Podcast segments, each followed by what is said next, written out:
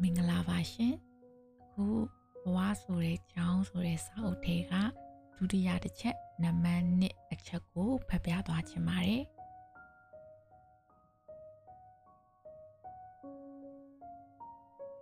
ဘဝလို့ခေါ်တဲ့အချိန်ပြည့်ကျောင်းကြီး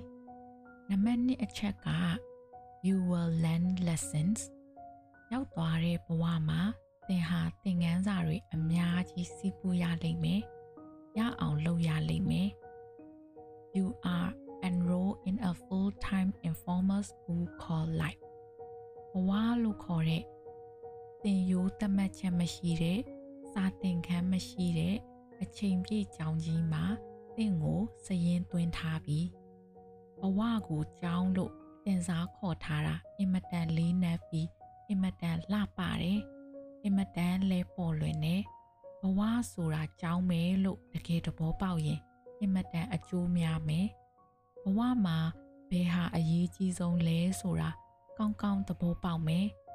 နေ့စဉ်ခံစားတွေ့ကြုံရတဲ့သင်ခန်းစာတွေကိုမမှန်ကန်ကန်နားလည်သဘောပေါက်ဖို့ကြည်ညက်ဖို့သိအရေးကြီးတယ်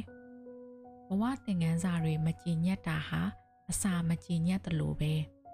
အစာမကြည်ရင်ခွန်အားမဖြစ်တယ်လို့ ဘဝသင်ခန်းစာမကြည်ညက်ရင်အသိဉာဏ်မဖြစ်ဘူးအစာမကြည်ရင်အစာအိမ်ယောဂဖြစ်နိုင်တယ်ဘဝသင်ခန်းစာမကြည်ရင်စိတ်ယောဂဖြစ်နိုင်တယ် Each day in this school you will have the opportunity to learn lessons ဒီကျောင်းမှာနေ့စဉ်ပဲသင်အတွက်သင်ခန်းစာတွေစီးပူးခွင့်ရလိမ့်မယ် ဒီကျောင်းကကျောင်းပိတ်ရမရှိဘူးကျောင်းတက်ချိန်ကျောင်းဆင်းချိန်မရှိဘူးနေ့စဉ်ပဲသင်ခန်းစာတွေစီးပူးနေရတယ်နေ့စဉ်ပဲစာမေးပွဲအစ်စ်ခံနေရတယ်အတွေ့အကြုံတိုင်းဟာသင်ခန်းစာပဲသင်ခန်းစာတိုင်းဟာစာမေးပွဲပဲတတိနဲ့ညံနဲ့နေတတ်မှဘဝအတွေ့အကြုံတွေကလေးနက်တဲ့သင်ခန်းစာရမယ်ပေါ့ပေါ့တန်တန်အမှုမဲ့အမတ်မဲ့နေသွားရင်အသက်သာကြီးသွားမယ် ညံကြီးမလာဘူးစိတ်နေသဘောထားလေးနက်မှုမြင့်မြတ်မှုဖြစ်မလာဘူးအလေးနက်ဆုံးအသိဉာဏ်ကိုဘဝအတွေ့အကြုံတွေကပဲရနိုင်တယ်စာအုပ်တွေကမရနိုင်ဘူးဘဝဟာအလေးနက်ဆုံးစာအုပ်ပဲတတိပဋ္ဌာန်တရားကိုနေ့စဉ်ဘဝ daily life ထဲမှာကျင့်သုံးနေကြတဲ့တပည့်တွေဟာတစ်နှစ်ထက်တစ်နှစ်သဘောထားတွေပိုပြီးလေးနက်မှန်ကန်လာတယ် လေးနက်တဲ့မြင့်မြတ်တဲ့ဥတီချက်တွေထားနိုင်လာတယ်အချိန်မရွေးနေရမရွေးကိုယ်ခန္ဓာမှာဖြစ်နေတာတွေမြင်ရတာတွေကြားရတာတွေထိရတာတွေတွေးတောကြံစားတာတွေသိတာတွေကိုတတိနဲ့ကြည့်တဲ့အလေးအကျင့်လုပ်ပါတတိဟာအကောင်းဆုံးကရိယာဖြစ်ပါတယ်သေးငယ်တဲ့ပစ္စည်းတွေကိုအနုကြီးမှန်ပြောင်းနဲ့ကြည့်တဲ့အခါအ ကြီးကြီးမြင်ရသလိုတတိနဲ့ကြည့်ရင်အရာရာတိုင်းဟာပိုပြီးထင်ရှားလာတယ်ခန္ဓာနဲ့ပတ်သက်တဲ့သဘာဝအကြောင်းအကျိုးတွေစိတ်နဲ့ပတ်သက်တဲ့သဘာဝအကြောင်းအကျိုးဆက်ဆက်မှုတွေကိုနက်နက်နဲနဲမြင်လာတယ်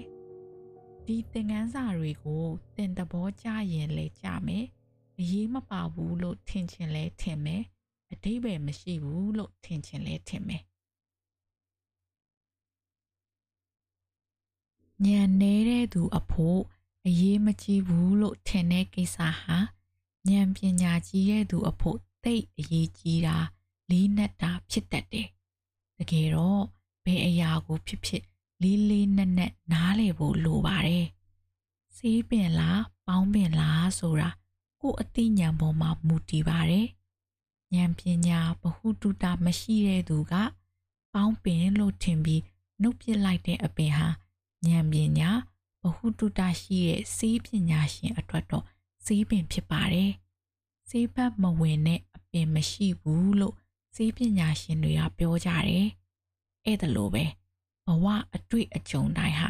ပညာရဖို့ကုန်ကျန်းတွေပါပဲ။